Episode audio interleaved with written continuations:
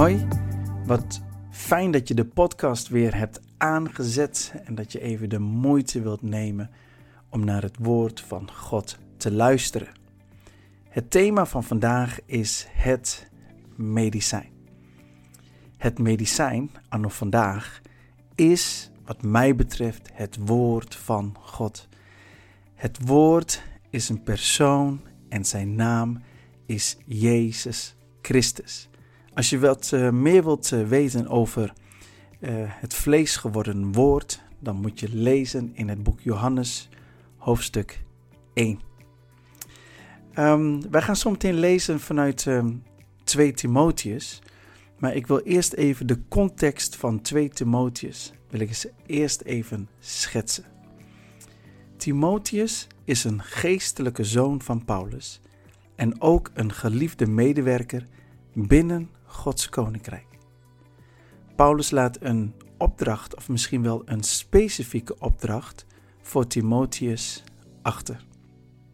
De verkondiging van het evangelie heeft haast en mag door niets en niemand tegengehouden of belemmerd worden. Waarom? Omdat het oordeel van God geen grap is en een ieder, zowel de dode als de levende, moet voor de rechterstoel van God verschijnen. Nou, dat is nogal wat. Dat is de context, even heel kort, heel beknopt. En in 2 Timotheus hoofdstuk 4 vers 1 wil Paulus eigenlijk Timotheus nadrukkelijk het volgende laten weten. Laten we lezen. Ik betuig, dat is wat Paulus zegt tegen Timotheus. Ik betuig u nadrukkelijk voor God en Christus Jezus, die levenden en doden zal oordelen, met beroep zowel op zijn verschijning als op zijn koningschap.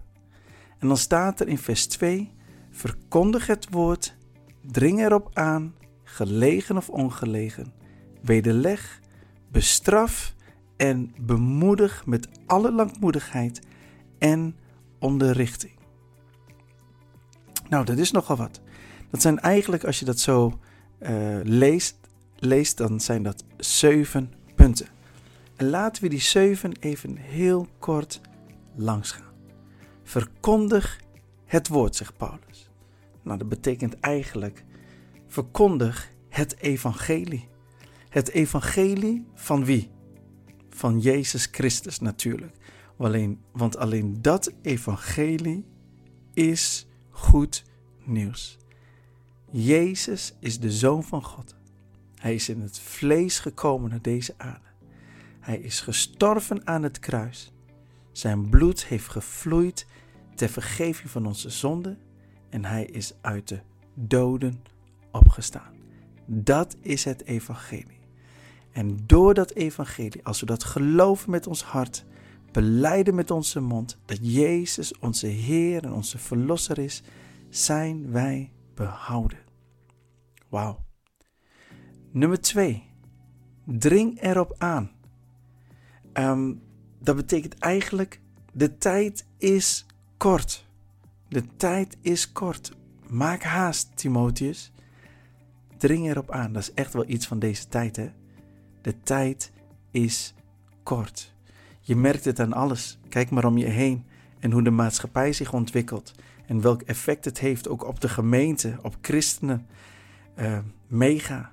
Je voelt aan alles dat de tijd om je heen aan het veranderen is. En uh, er zijn steeds meer vragen. Ik geloof zelfs dat christenen steeds meer ook gaan nadenken van wat geloof ik nou eigenlijk? En uh, misschien, misschien is zelfs de vraag, kom ik überhaupt wel in de hemel? En nou weet je, allemaal dat soort vragen. Hmm, dat is echt iets van deze tijd. En daar moeten we wat mee. En daar kunnen we ook niet te lang mee wachten. Sterker nog, daar moeten we echt haast mee maken, want de tijd is kort. Dring erop aan. Dan zegt Paulus ten derde, gelegen of ongelegen. Nou, de theologen zeggen eigenlijk, zegt Paulus dit nou tegen Timotheus? Of zegt Paulus dit nou tegen de mensen um, waar Timotheus tegen moet preken? of voor moet breken. Nou, ze denken dat Paulus dit tegen Timotheus zegt. En in dit geval ga ik even van die gedachte uit. Gelegen of ongelegen. Timotheus, de tijd is kort en predik het evangelie, gelegen of ongelegen. Dat betekent eigenlijk, wees altijd paraat, ook als het je niet uitkomt. Nou, dit is echt, dat is eigenlijk helemaal niet meer van deze tijd. We zijn hartstikke druk en het moet allemaal wel uitkomen, het moet allemaal wel kunnen. En dat kerkleven en evangelie, ja, dat moet wel een plek krijgen in mijn agenda. Maar ja, weet je, als het allemaal een beetje ongelegen komt, ja, neem me niet kwalijk hoor. Maar, maar, maar daar kan ik dan eigenlijk ook even helemaal niks aan doen. Maar Paulus die zegt gewoon, Timotheus, gelegen of ongelegen, wees altijd paraat, ook als het je niet uitkomt. Ik kan me voorstellen dat je hier denkt van ja, maar dat, dat kan toch niet als het je niet uitkomt?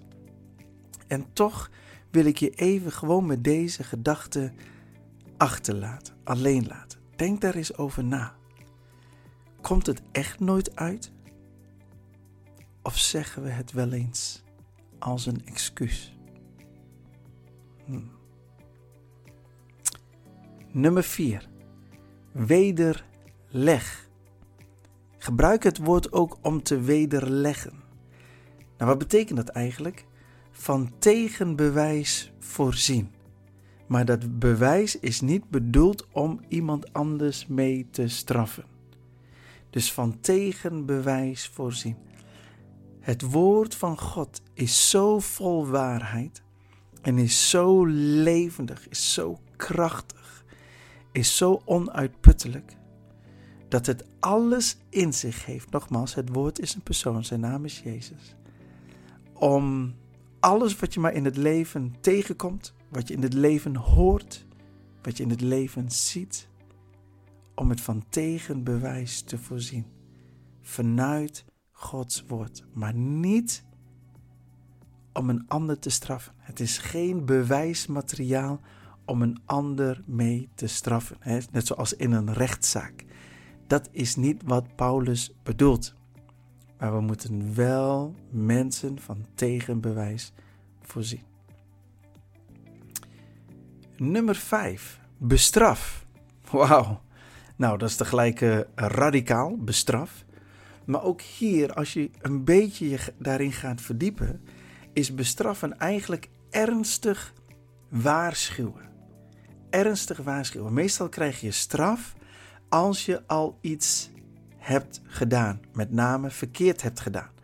Maar hier is bestraffen niet zozeer dat je al iets verkeerds hebt gedaan, maar dat je iemand ernstig gaat waarschuwen om te voorkomen dat hij iets verkeerds gaat doen. Bestraf. Ga de mensen ernstig waarschuwen. Als ik dit zo zeg, heb jij dan mensen in je hoofd zitten? Komen er dan namen voorbij?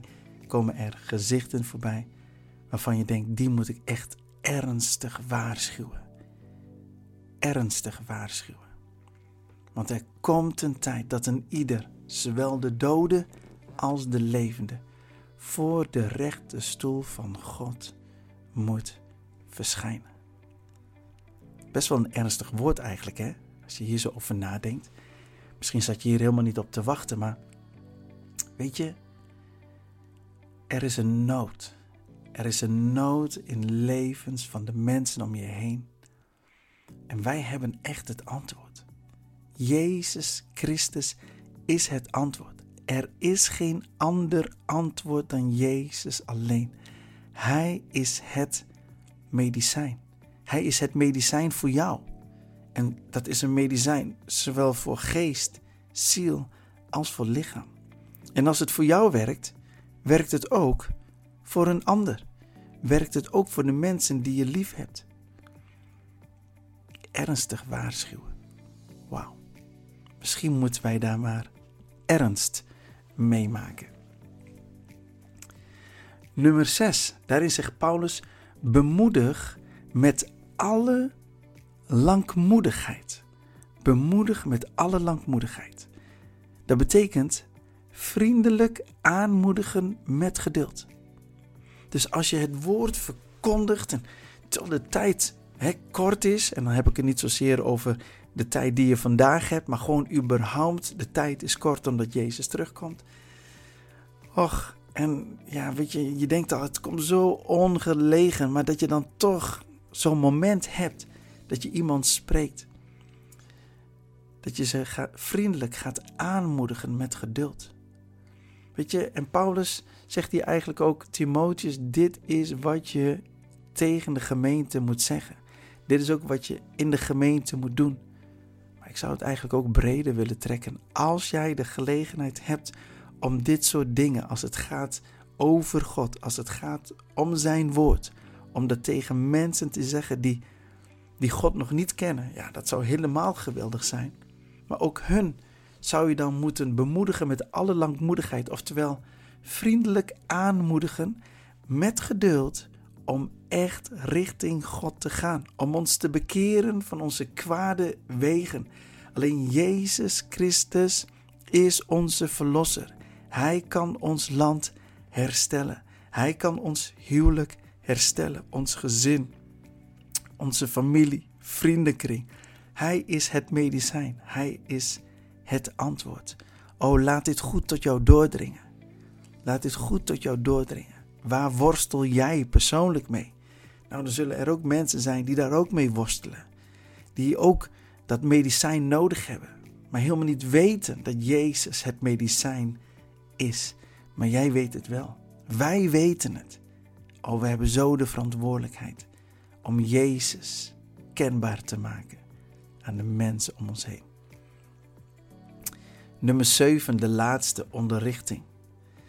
Hierin, uh, toen ik dit zo aan het voorbereiden was, werd er vooral ook gezegd van het gaat hier om de inhoud van het onderwijs en niet zozeer om de onderwijzing, terwijl dat ook heel belangrijk is. Hè? Maar dat, dat we ook echt letten, Timotheus, let ook echt op de inhoud van het onderwijs. Ik kom daar zo meteen op terug hoor. Maar let daarop. Weet je dat echt het evangelie van Jezus Christus zuiver is? Ik ga het opnieuw herhalen, omdat ik het zo belangrijk is. Als mensen jou zouden vragen: wat is de kern van het evangelie? Zou je dit met gemak moeten kunnen opzeggen vanuit uh, uit je hoofd of vanuit het hart? Jezus Christus is de Zoon van God. Hij is in het vlees gekomen naar deze aarde. Zijn bloed heeft gevloeid ter vergeving van onze zonden. Ehm, en hij is uit de doden opgestaan. Hij is voor ons gestorven en hij is uit de doden opgestaan. Dat is zo relevant dat we dit weten.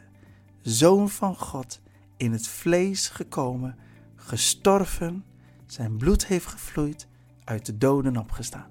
Dat zijn die vijf. Onthouden, niet meer vergeten. 2 Timotheus 4, vers 1 en 2 heb ik net voorgelezen en ik heb net die zeven punten uitgelegd. En op basis van deze twee versen in 2 Timotheus 4 heb ik een poging gedaan om die te vertalen naar vandaag de dag. Paulus zou het als volgt gezegd en bedoeld kunnen hebben. Luister maar even. In een briefvorm. Hè? Beste Timotheus. Ik wil je nadrukkelijk laten weten wat jij moet doen in deze huidige tijd. Vertel het evangelie van Jezus Christus, nu het nog kan. De tijd is kort, want Hij komt spoedig terug. Wees altijd bereid om dit te doen, zelfs als het jou eigenlijk niet goed uitkomt. Dan moet je maar wat schuiven in jouw agenda, want dit werk is te belangrijk om te laten liggen tot morgen. De mensen zullen je confronteren met wetenschappelijke feiten om zo een discussie met jou uit te lokken. Het is aan jou om op basis van Gods woord hun van tegenbewijs te voorzien. Doe dit niet om hun te kijk te zetten, maar om ze te winnen. Je weet dat je liefdevol moet zijn. Maar schroom niet om de mensen ernstig te waarschuwen. Voor de tijd die aanstaande is. Jezus komt spoedig terug. Beijver je om een ieder vriendelijk aan te moedigen, om te leven in lijn met Gods verlangen. Dit vraagt veel geduld, maar dit gaat jou lukken, omdat Gods geest in jou woont. Tot slot wil ik je vragen, omdat ik het binnenkort niet meer kan doen, om de boodschap van het evangelie van Jezus Christus te bewaken. Het goede nieuws van Jezus staat enorm onder druk en dit zal alleen maar toenemen. Maar vergeet nooit dat de verkondiging van Gods woord het medicijn is voor de, waar de wereld op zit te wachten. In Jezus' naam. Amen.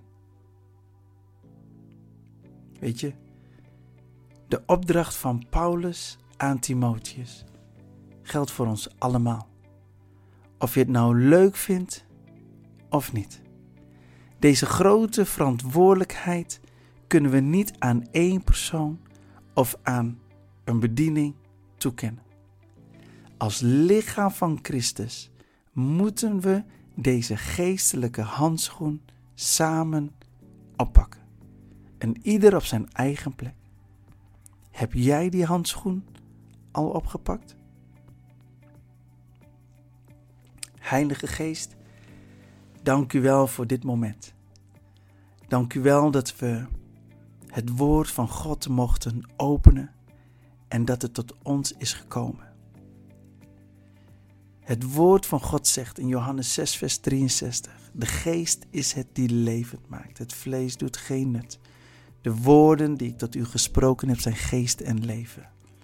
En Heilige Geest, en ieder die naar dit woord luistert, wil ik u vragen: wilt u dit woord levend maken?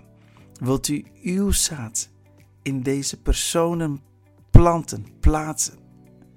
En dat het mag groeien en dat het tot uiting mag komen en dat het sterk mag worden, dat het vrucht mag gaan dragen en dat we allen in staat zullen zijn om het medicijn Jezus Christus uit te delen, te verkondigen aan de mensen die ziek zijn, aan de mensen die u nodig hebben. En dat is een ieder om ons heen. Heilige Geest, help ons, wilt u de naprediker zijn. Hemelse Vader, dank u wel voor uw agape-liefde.